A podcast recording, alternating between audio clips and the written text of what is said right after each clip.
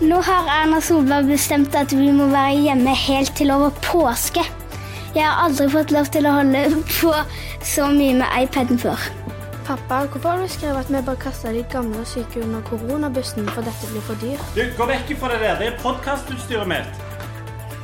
Velkommen til Aftenbladet. Hva er Aftenbladet, pappa? Ja, Det er en podkast. Hva er en podkast?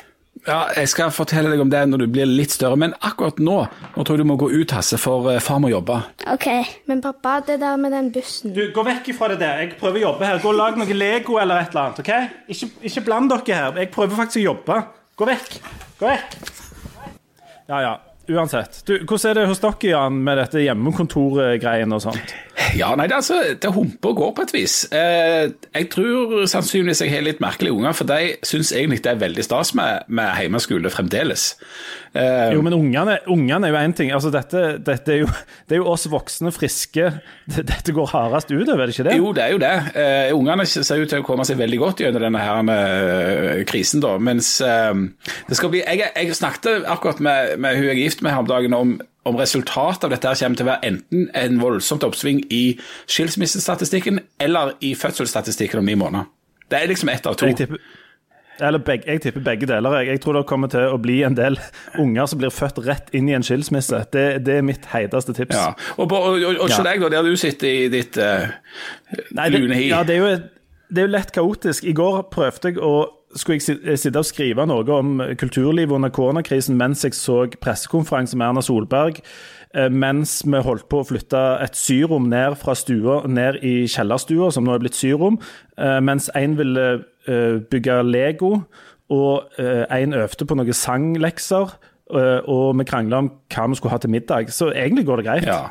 Det, det ikke Og, vi, og vi, vi skal jo ha det, Leif Tore, at vi har iallfall eh, inntil videre helsa. Det er sånn at vi har med oss to forriktige kommentatorer i Stavanger Aftenblad. Den ene er sjukere enn den andre. Og nå vet jeg ikke alle som hører på, tenker at det er helt garantert Harald Birkevold som er dødssyk. Velkommen, Harald Birkevold.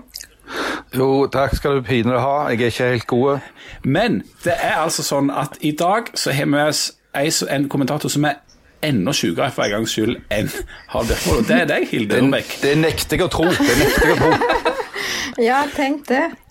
For du, du mener rett og slett at du har fått korona? Uh, ja, nå har jeg uh, det- for, Det skjedde forrige uke, på sånn cirka torsdagen, hvor jeg begynte å hoste, hoste, hoste, hoste. Og så tenkte jeg at ja, ja, jeg er ikke sånn som tenker at jeg er syk med en gang. Men så ble det ganske ille i helgen. Eh, for- Så jeg var i grunnen ganske sengeliggende. For du har jo tidligere erklært famous last words at du aldri blir syk, mener jeg å huske. Ja, nei, jo, jeg har ikke vært så mye syk i de siste årene, men jeg vet hvordan influensa føles og en forkjølelse, og har eh, kjent det på kroppen. Men dette her var jo noe helt annet. Um, fordi at her kom det liksom bare eh, sånn plutselig vondt i hodet, og så plutselig så var det noen som skrudde det av, og så plutselig ble det litt, uh, litt feber, og så plutselig så var det vekk, og så plutselig så, så hosta jeg. Og hoste har jeg gjort nok av den siste uka. Ja, og Folk snakker jo mye om at, at eh, dette for de fleste kommer til å være en mild sykdom, men du har vært skikkelig syk. Du har ikke havnet på sykehus, men du har kjent at du var skikkelig syk. Ja, men jeg vil jo si altså dette blir jo nok sikkert av legene eh, beskrevet som milde symptomer. Fordi at eh, de som får de alvorlige symptomene, er jo de som havner på sykehus, og de som treng, trenger medisinsk behandling. Men er det, er det sånn, Hilde, at du er blitt uh, testa? Vet du at du har korona? Nei, jeg, jeg kan ikke bli testa, for jeg er jo ikke- i noen risikogruppe. og Jeg er ikke gammel nok, og jeg er ikke sånn og sånn. Så, så jeg vet jo ikke 100% sikker, men jeg eh, kjenner en del i helsesektoren og leger og sykepleiere. og har sendt inn skjema til Folkehelseinstituttet eh, hvor eh, du beskriver symptomene du har hatt, og det er jo Det stemmer veldig godt med det eh, sykdomsbildet. Ja. Den, eh, da er du i samme båt som prins Charles. Han er nettopp uh, stått fram som koronasmitta, bare sånn at eh, vi får plassert deg liksom i, Ja, i, i verdensordningen her. Ja, det, det er Men, bare, jeg, det. Han er jo ikke akkurat noen ungdom, du- da, sånn som Hilde. Du er jo bare en ungdom. Tja. Ja, det er helt sant. Men dette har ført til at du nå er isolert? Altså at du er helt jeg- avskåren fra verden? Altså, du Ja, jeg må jo ta litt ansvar for dette sjøl, siden, siden de ikke tester alle. Men, men jeg, ja, jeg har holdt meg inne, og jeg har fått hjelp eh, av far til handling, og han har satt varene langt fra meg ute på terrassen, og, og, og eh, ungene har vært eh, litt ute på tur med de, men eh, jeg sjøl har eh, vært inne siden forrige torsdag. Jeg, jeg bare, kan dette brukes som en slags unnskyldning for å si at ungene må være en annen plass? Jeg spør for en venn. Nei, fordi at nå er det jo sånn at de egentlig skulle til faren, og det kan de jo ikke nå. For nå må jo de være eh, hos meg eh, mens de egentlig skulle ha vært med han. Fordi at de er jo en smitterisiko i seg sjøl. Det, det er en dobbeltsmell, dette, rett og slett. Ja, men nå går det ganske greit. De er veldig flinke å gjøre skolearbeid, og vi har kommet inn i en slags rutine. Eh, Det var jo verst i helgen når jeg var, hadde feber og var så trøtt at jeg nesten bare sovna med, med middagsbordet. Så eh, jeg håper jo at eh, jeg ikke får den der andre smellen som mange snakker om, og at det kan gå litt over etter hvert. Jeg kan jo òg melde at, eh, at ungene tar jo dette her eh, på strak arm. Altså, Jeg er jo selv far til en gamer på 19, og han har jo nå innsett at eh, de rådene som blir gitt av myndighetene om hvor du, hvordan du bør leve, er akkurat sånn som han alltid har levd. Så eh, for han er jo dette her mer ja, det er sånn humre, humrestoff, da. Det er, ak og du, Jan? det er akkurat likt time shows. Altså, vi har en 13-åring som vi ofte har diskutert dette med eh, sosial omgang med levende mennesker ute i RL, så dette i in real life. IRL, ja. Ja, ja, ja. Eh, og nå har jo på en måte hun da fått rett. Nå er det liksom å bare være oppe i det rommet og kun eh, snakke med folk gjennom sånn chatting. Og det er da altså offisiell råd plutselig. Så her sitter vi, boomer. Men Hilde, Ja, vet du hva, Hilde, nå skal jeg fortelle en ting. For jeg hørte i dag, eh, nei, i går, eh, at eh, enkelte ungdomsgrupperinger har gitt koronapandemien et annet navn. Ja. Nemlig Boomer Remover. Ja, det er flott. Du, Hilde, vet du, vet du noe om hvem du er blitt smitta av? Har du fått pekt ut vedkommende og, og ringt vedkommende opp og fortalt i et par eh, sannhetens ord om eh, Nei, hva de har gjort med deg? Nei, dessverre. Uh, og jeg tror jo det at uh, jeg enten må jeg ha blitt smitta på en buss hvor du sitter ganske tett før vi liksom fikk beskjed om å ha hjemmekontor og sånn, og at det skjedde rett før det. Eller så har jeg blitt smitta på butikken når jeg var innom og skulle kjøpe litt vaskemiddel, når hele byen var eh, på Madla Amfi og hamstra så det gjaldt, og ikke brydde seg om de sto og dytta på hverandre i kø og, og pusta på hverandre og ikke vet jeg hva. Eh, så jeg, jeg Nei, jeg, har ikke det. Bare hold det litt gående. Jeg må bare springe opp med en, en, papir med, en rull med dopapir fra et bad til et annet. Bare hold det gående dere i et minutt, så er jeg tilbake igjen. Okay? Thanks for Ja, altså, jeg, vil bare si, jeg vil bare si en ting. At nå, ok, eh, Jeg har all sympati for Hilde, og sånn, men jeg syns det blir veldig mye snakk om hennes helse, og veldig lite snakk om min. Ja. Hvordan går det med det. men eh, Harald, jeg kan, komme bort, jeg kan komme bort og hoste eh, på deg, så kan vi snakke om det neste uke. Så får du noe Ja, flott. Nei, altså, men greia er at Jeg har en liten historie som jeg syns er, er verdt å fortelle nå. Ja. Eh, for det at eh, jeg er jo ikke helt, eh, helt gode. Nei. Men det er jo, det er jo jevnt over er du ikke helt gode. Nei, men nå skal dere høre, og dette er interessant. For det at i fjor høst, nærmere bestemt oktober, så var jo jeg en tur i Filippinene. På, eller på, heter det i eller på? På Filippinene. I, i på telefi, Telefinene. Og der, når jeg kom hjem fra Filippinene, faktisk på flyet hjem, som nota bene gikk via Hongkong, så ble jeg dårlig og elendig. Eh, Jeg begynte å hoste noe grusomt, og fikk eh, vann i lungene og, og, og svevte eh, bokstavelig talt mellom liv og død. Og greia var at ingen visste hva det var som feilte meg. De tok prøver og sånn. Og så sa de bare til meg at du har fått det vi kaller et eksotisk virus. Som jeg ikke helt vet hva vi Hører dere hva jeg sier nå? Ja, ja, ja. Akkurat. Nå ble det stilt, ja. Så for alt jeg vet, så kan jeg være patient zero, Ja, det er lov å håpe. som det heter i, i epidemiologiske kretser. Ja. Så jeg stiller min kropp til disposisjon for vitenskapen. Jeg kan jo også si at vi var jo i Nord-Italia eh, 25. januar. Eh, og jeg vet ikke når disse eh, greiene altså Det var rundt da at vel de første pasientene, eller de første smittetilfellene ble oppdaga i Nord-Italia. Og det er jo ting som tyder på at smitten må ha vært der tidligere. Så vi har jo tenkt etterpå. Det er det at vi har vært litt sånn pjusk, og det at dattera vår har drevet tørrhosta og hatt en sånn feber som kom og gikk. Du sa jo at du skulle på noen sånne klassiske konsert, men egentlig så var du på noen sånn ompabar på afterski oppi i Dolomittene og herja rundt med Vi gikk rundt i Firenze og så på kunst og arkitektur. dumme Ja, det er det du Jeg- sier, Jeg vil også bare smette inn du, jeg, jeg må også bare smette inn at jeg var, jeg var på Sandnes, nærmere bestemt på Austrått, for en måned siden. Og jeg har ikke følt meg noe særlig god etter det. Uh, jeg sier ikke at det betyr noe for alt det, men jeg vil bare ha nevnt at jeg òg har vært ute og reist. Men, Det er notert. Du, du, du, Men, ting, tingen er at dette, men dette illustrerer jo noe av det som er det kompliserte i manøvreringa her. For Når du ser på statistikkene som finnes, altså det finnes jo voldsomt mye tallmateriale, så er det sånn at jeg tror det er registrert noe sånn som rundt 90 smitta i Stavanger kommune. Og i Stavanger kommune bor det vet jeg, 130 000. Det er omtrent ingen. Så det er på en måte litt sånn magisk at det skal være så voldsomme smittefader ute. Men det at folk driver og får dette, sånn som du, Hilde, det tyder på at det finnes smitte der ute. Så akkurat hvor mange som faktisk er smitta, er det liksom dobbelt så mange som det som står i statistikken? Er det ti ganger så mange? Er det 15-20 ganger så mange?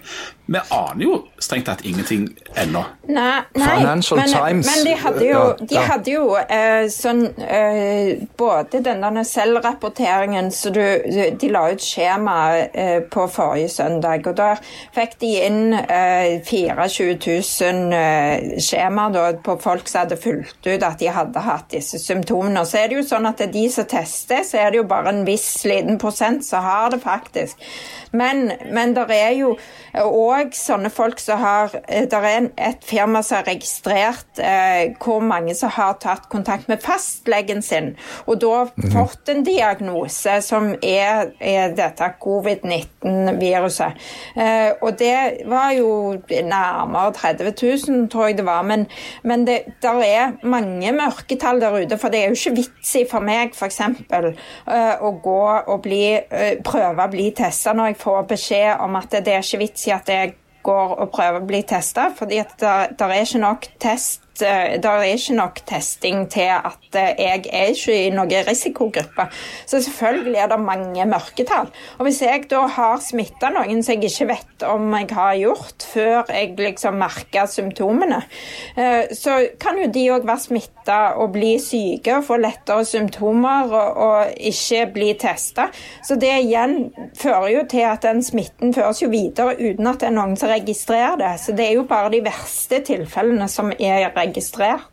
Ja, Harald, hva var det med Financial Times? Ja, jeg leste en artikkel i, i formiddag i Financial Times hvor det var en forsker, eh, epidemolog, professor i dette her, fra Oxford University, som mente på grunnlag av modeller de har utvikla, at fordi det tok så lang tid før Storbritannia foretok seg noe, så kunne teoretisk opp mot halve befolkningen allerede være smitta.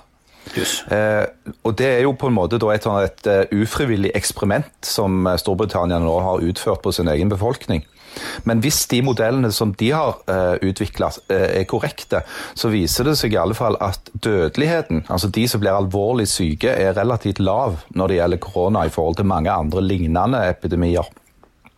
Men nå, nå er det litt eh, en tilsynelatende en liten uenighet mellom eh, politikere og helsemyndigheter og sånt om hvordan dette her skal takles. Altså, En snakker mye om dette smittetallet. Ja. Altså det, det, det, hvor, mange, hvor mange hver altså Hilde, hvor mange kommer du til å smitte? Kommer du til å smitte 2,4, 1,3 personer eller 0,9? Noe som i det lange løp eh, gir enormt forskjellige scenarioer. Um, Harald, skal vi, hvordan skal vi oppfatte denne her litt sånn uenigheten mellom fagfolk og politikere? For dette handler jo òg om hvor mye vi skal stenge ned, og hvor mye vi fremdeles skal holde drift i for å holde, holde dette nede. Ja, og, og det, ja, det er jo et enormt stort og digert spørsmål som, som, det er vanskelig til å svare på. Men det, det, du ser allerede nå, er jo at det er politisk slitasje. Fordi at uh, de mest inngripende tiltakene, som mange vil være enige om er de mest effektive når det gjelder å hindre smittespredning, og er de som har størst økonomiske konsekvenser. Uh, og det er jo de som tar til orde for at det kunne være bedre å la dette her eh, hva de kaller brenne seg ut ved at flere blir smitta samtidig, og at, det, at det, dermed du oppnår en form for sånn gruppeimmunitet i samfunnet. Konsekvensen av det vil jo etter alle solemerker være at en må ofre ganske mange mennesker. Og Det er jo det dilemmaet. Eh, F.eks. når Erna Solberg hadde pressekonferanse i går, så var helt, hun helt tydelig på det at for henne så er det en etisk helt umulig situasjon å komme i. At du skal sitte og si at ok, vi får bare akseptere at så og så mange mennesker dør. Så, men du ser jo det allerede altså I USA nå så er jo allerede Donald Trump blitt utålmodige. Han ønsker å åpne landet igjen for business, som han sier, til påske. Det er jo ingen som har greie på, på epidemier som, som, tror at det er noe særlig lurt. Men det er interessant nettopp det der uh, ulike vurderingene folk gjør. For det er jo heldigvis en debatt om virkemiddel og om konsekvenser og sånt. Og Den syns jeg bærer enormt preg av hvem det er som snakker, altså hvor de står. Det er eh, noen ganske harde advarsler fra en del leger som er inne på intensivrom og som ser på en måte pasienter og, og, hvem som kommer inn og som er på gulvet. Og Der er det veldig mange som, som snakker om eh, at det må eh, kraftige lut til for å, å, hindre problemer. Så har du jo hatt en del økonomer som har snakket om de økonomiske konsekvensene av dette. Og så har du Folkehelseinstituttet som da skal prøve å balansere, og som har et sånn makroperspektiv òg på det helsemessige. Og Der er det interessant å se at, at Folkehelseinstituttet mindre, altså anbefaler mindre, eller signaliserer mindre restriktive tiltak enn det politikerne gjør. Altså Preben Aavitsland, eh, som er overlege der, og som, som, er en av de fremste ekspertene i Norge på dette, mener f.eks. at det hytteforbudet ikke har så voldsomt, eh, er så veldig viktig for oss å stoppe smitte. og Folkehelseinstituttet har vel òg signalisert at de ville gått for den strategien som handler om å la det ulme, altså at smittetallet ligger på 1,3 istedenfor å slå det ned. Og Det handler om en vurdering av de samfunnsmessige konsekvensene og konsekvensene konsekvensene på individnivå. Men så er det ja, altså absolutt. politikerne som da til slutt bestemmer eh, noe annet. Men er det, er det bra at politikerne bestemmer noe som går til dels på tvers av det som er Folkehelseinstituttet, altså faginstansen sine råd, som handler om hva er det som faktisk virker, og, og, eller hva er det som faktisk eh, ser ut som det virker, eh, men som tar seg bedre ut politisk. For det er jo det det handler litt om, ikke det? Jo, jo, men, jo, men her, er det jo, eh, her er det jo snakk om at det bare eh, Det er jo ikke de sier jo selv, politikerne, at dette med hytteforbudet har ingenting med smittevern å gjøre. Det har med kapasiteten i kommunene. Og de mindre hyttekommunene de har jo ikke kapasitet til f.eks. hvis alle skulle reise opp i påsken og du skulle brekke foten og, og naboen din skulle få hjerteproblemer og sånn, og i tillegg ta seg av de lokale innbyggerne som får dette viruset, så har ikke de kapasitet til å hjelpe deg kanskje som brakk den foten. Eller de, de har Røde Kors-mannskapet har ikke kapasitet til å komme og hjelpe noen i alpinløypene som detter og slår seg. Altså Det er jo sånne ting du må tenke tenke på det er jo videre konsekvenser enn bare det at én person eller to personer er smitta av dette viruset. Og det er jo det samme hvis du får en sånn topp hvor alle er smitta på en gang, så har ikke helsevesenet kapasitet til å ta seg av han kreftpasienten på 15 år, f.eks. Eh, det er jo det det går i. i at du, eh, De fleste kommer jo til å få dette eh, på en eller annen måte, men det er det å unngå denne smittetoppen og at alle er smitta syke på en gang, for da kollapser helsevesenet. Men det er jo det Folkehelseinstituttet òg tar hensyn til når de anbefaler den eh, strategien som går på å la, hver, å la deg smitte 1,3 istedenfor 0,9. Fordi at eh, Da blir ikke helsevesenet så overbelasta at de ikke kan håndtere dette, her, samtidig som det på en måte får spille seg litt ut. Altså, eh, Det humper går, det tar litt kortere tid, eh, men det er ikke å prøve å slå det ned, som, som er ekstremt inngripende. Hva sier du, Harald? Eh, jo, altså det er jo det, akkurat den strategien som også er blitt valgt i Norge. Altså, vi har ikke innført portforbud, som du har sett i enkelte land nå. Eh, som jo er den mest ekstreme varianten. og den aller mest ekstreme av alle de ekstreme er jo den som har blitt gjennomført i Kina. Hvor innbyggerne i Wuhan, hvor det altså bor dobbelt så mange mennesker som i hele Norge, ikke har gått ut siden januar. Eh, du har sett nå tiltak i, i Spania, i Storbritannia eh, og i byen New York og mange andre steder som ligner på de eh, kinesiske eh, løsningene. Eh, og de er jo ekstreme. Eh, I Norge så er det jo sånn at samfunnet humper og går. Altså, Det er veldig mange folk som fortsatt går på jobb hver dag fordi de rett og slett må. Eh, varehandel, transport, helsetjenester, alt mulig. Eh, som, som er tjenester som blir holdt i gang for at ikke samfunnet skal stoppe helt opp. Eh, og det er ingen gitt, iallfall ikke en kommentator i Stavanger Aftenblad, å vurdere det ene tiltaket opp mot det andre. Jeg har ikke greie på det. Mm. Så jeg tror at det, det, vi kan gjøre, og som er klokt å gjøre sånn kollektivt, det er å prøve å følge rådene som blir gitt, så godt vi kan. Jeg, bare, jeg skal bare si en ting, for jeg leste akkurat en, en, en sånn nasjonal handlingsplan for katastrofer som ble, sist ble revidert i 2012.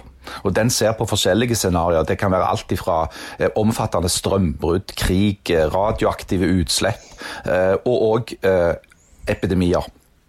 Og Der viser det seg at på grunnlag av tidligere erfaringer så sier myndighetene at ca. 70% av oss de er såkalt passive i en krise. Det betyr at de gjør stort sett sånn som de får beskjed om, og prøver bare å få det altså, de bare holder på. Sant? gjør så de får beskjed om.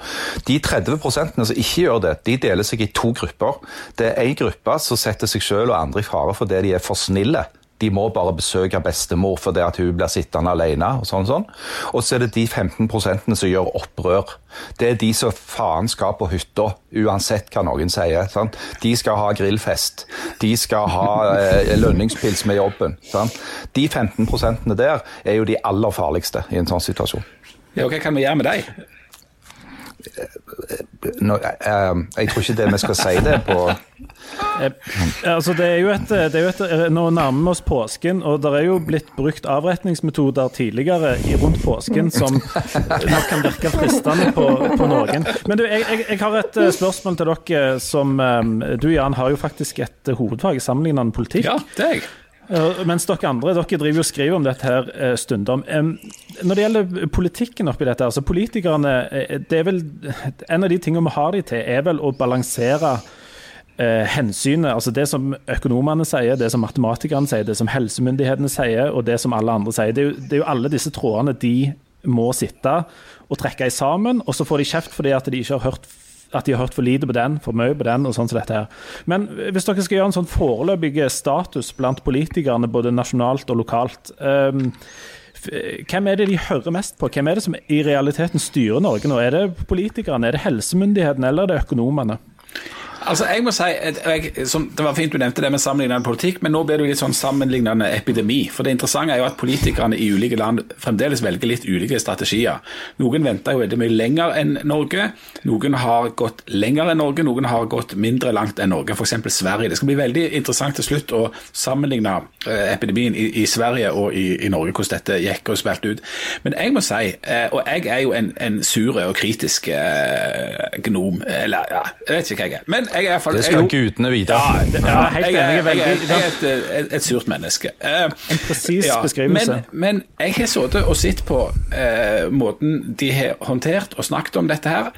Uh, flere, eller hver dag nå, og så sitter jeg og så tenker jeg, vet du hva, jeg er så glad at jeg bor i Norge. Jeg har rett og slett tillit til disse folka. Jeg, jeg syns de bærer preg av det, det, det, føles som om de er så godt de kan. Altså, jeg mener at Nå har vi noe igjen for det der som Harald Eia driver og snakker om. altså at vi Norge er et, veldig, et land preget av tillit, høy tillit. Vi, vi, vi tror på, på, myndighetene, vi tror på, på, på fagfolka. Uh, jeg er så glad for at det er uh, Høie og Mæland og, og, og, Solberg som sitter og styrer nå hos oss, og at det ikke er Bolsonaro og Trump, uh, rett og slett. Jeg er helt enig. og jeg tror hvis du spør når du spør Leif Tore om hvem er det som har mest makt nå, så vil jeg nok si at eh, Erna Solberg, eh, Bent Høie, eh, er nok de som har aller mest makt i det norske samfunnet akkurat nå. For det, er de som står dag om annen og, og kommer med disse rådene og på disse sendingene som omtrent hele landet ser på. Så det gir jo et voldsomt altså, Du får den der talerstoleffekten. Uh, Dagsordensettende talerstoleffekten som du òg til dels ser på lokalplan.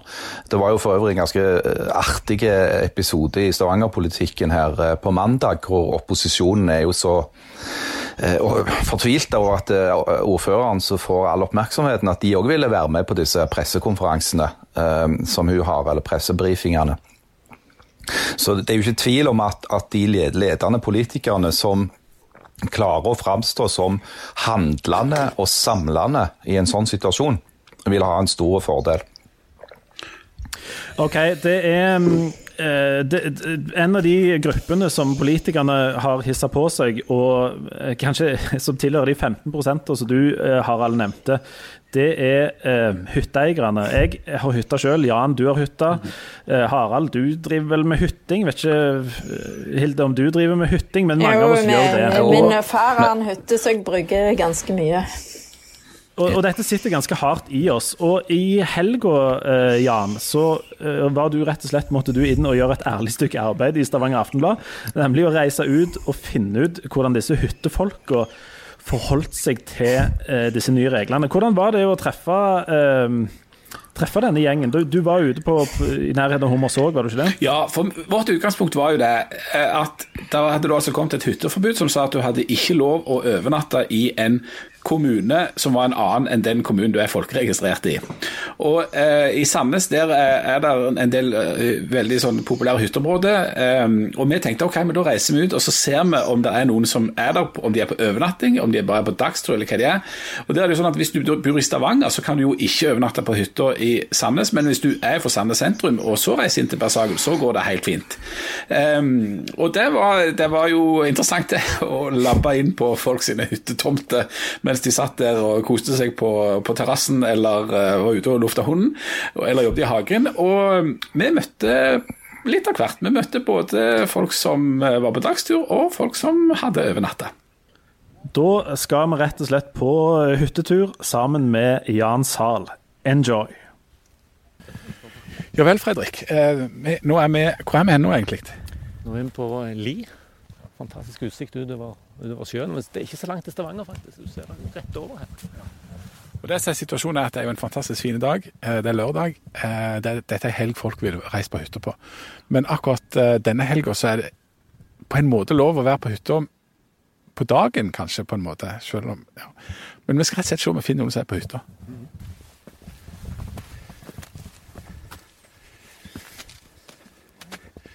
Hei! Kan du snakke med dere litt? Ja. Så bra. Dere er ifra Stavanger. Ja. Altså en annen kommune. En annen kommune. Og så er dere hytta på Li. Ja. Og da, så da kan dere ikke være her Hadde dere tenkt å være her med natta, egentlig? Nei. Planen var å gå en tur med hunden, som har vært bortimot Limerka, eller Bymerka. Og så innom og sjekke hvordan det står til på hytta. Hva syns dere om tanken på at det er ikke lov å overnatte på hytta hvis det ligger i en annen kommune, med tanke på at dere opprinnelig er fra Stavanger kommune, som ikke er veldig langt vekke? Nei, jeg syns jo det er dumt. Men eh, vi retter oss jo etter de påleggene som er, og det hadde jo vært gysla tabbe og brukket foten eller fått hjerteinfarkt og mått ringt etter hjelp det blir jo litt for flaut. Tenker jeg. At vi reiste ut her var bare tilfeldig. Det hadde ikke så mye med hyttene å gjøre, egentlig. Det var bare at vi ville gå en tur. Men vi har òg hytte, eller han har hytte på Rennesøy, og det er jo Stavanger kommune. Og da tenker vi ja vel, men vi retter oss etter det òg.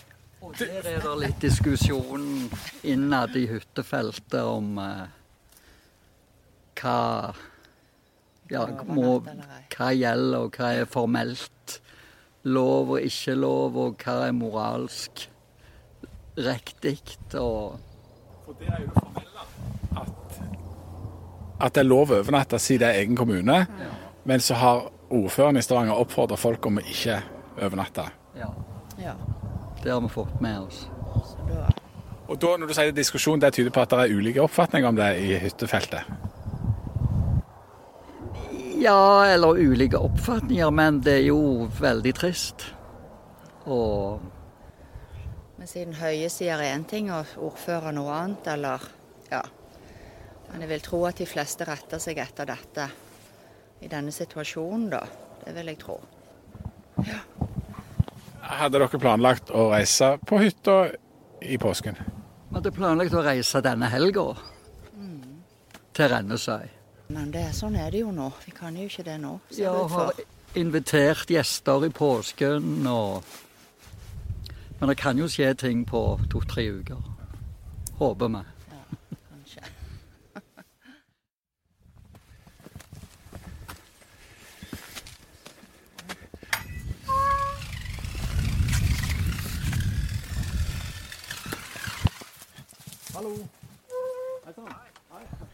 fra er ute på hyttejakt. Og da er det jo sånn at dere da er fra Sandnes? Nei, vi skal, jeg skal faktisk innrømme at vi er fra Ålgård. Dere er fra Ålgård, ja. Så vi er jo helt i gråsonen, da. Men dere er fra en annen kommune? Da, Ja, så vi bryter jo loven, da, egentlig. Men er dere overnatter dere? Ja, jeg overnatt en natt, ja. Så da har dere sett og loven? Ja. Mm. Hvorfor gjør dere det? Nei, eh, hun er jo høygravid, og så er det jo nærmere legevakten nesten herifra. Vi har samme helsetjenesten, vi har samme Hvor, hvor er det dere må til lege hvis dere skal til lege, hvis dere trenger helsehjelp? Er det Stangeland. Stangeland i Sandnes? Ja. Så da er det like langt? Jepp. Egentlig kortere herifra. Men skal dere være her lenge nå, eller er det bare Nei, vi reiser hjem i dag. en? En natt, ja. Hva tenker dere om de reglene som er rundt hytter og sånt nå? Jeg tenker jo at det er veldig viktig at eh, alle følger de rådene som helsevesenet gjør. Men det, det Ja. Det er jo lov å bruke sunn fornuft òg. Det er egentlig sunn fornuft som gjelder, så jeg tenker det viktigste er at eh, når helsevesenet er så sprengt som det, så er det viktig at alle tenker sunn fornuft og ikke sprenger helsevesenet med at de går tur plasser som gjør at de kan brekke foten. At de ja, at de tenker på hvor du er hen og hvilken situasjon du befinner deg i. Eh, Motsier du ikke deg sjøl når du sier at eh, det er viktig at alle følger reglene, og så er dere her i natt og bryter reglene? Ja, gjerne litt. ja da. Eh, eh, Hva er planen eh, framover nå? Er, du så høygravid at eh, dere skal være på hyttetur i påsken og sånt, eller hva, hva var planen der? Nei, påsken utgår, så det er jo å gjøre klart sommeren, sånn at det, det ikke ser helt sprengt ut her når vi har en ekstra i familien. Nå får dere ha lykke til med arbeidet. Ja,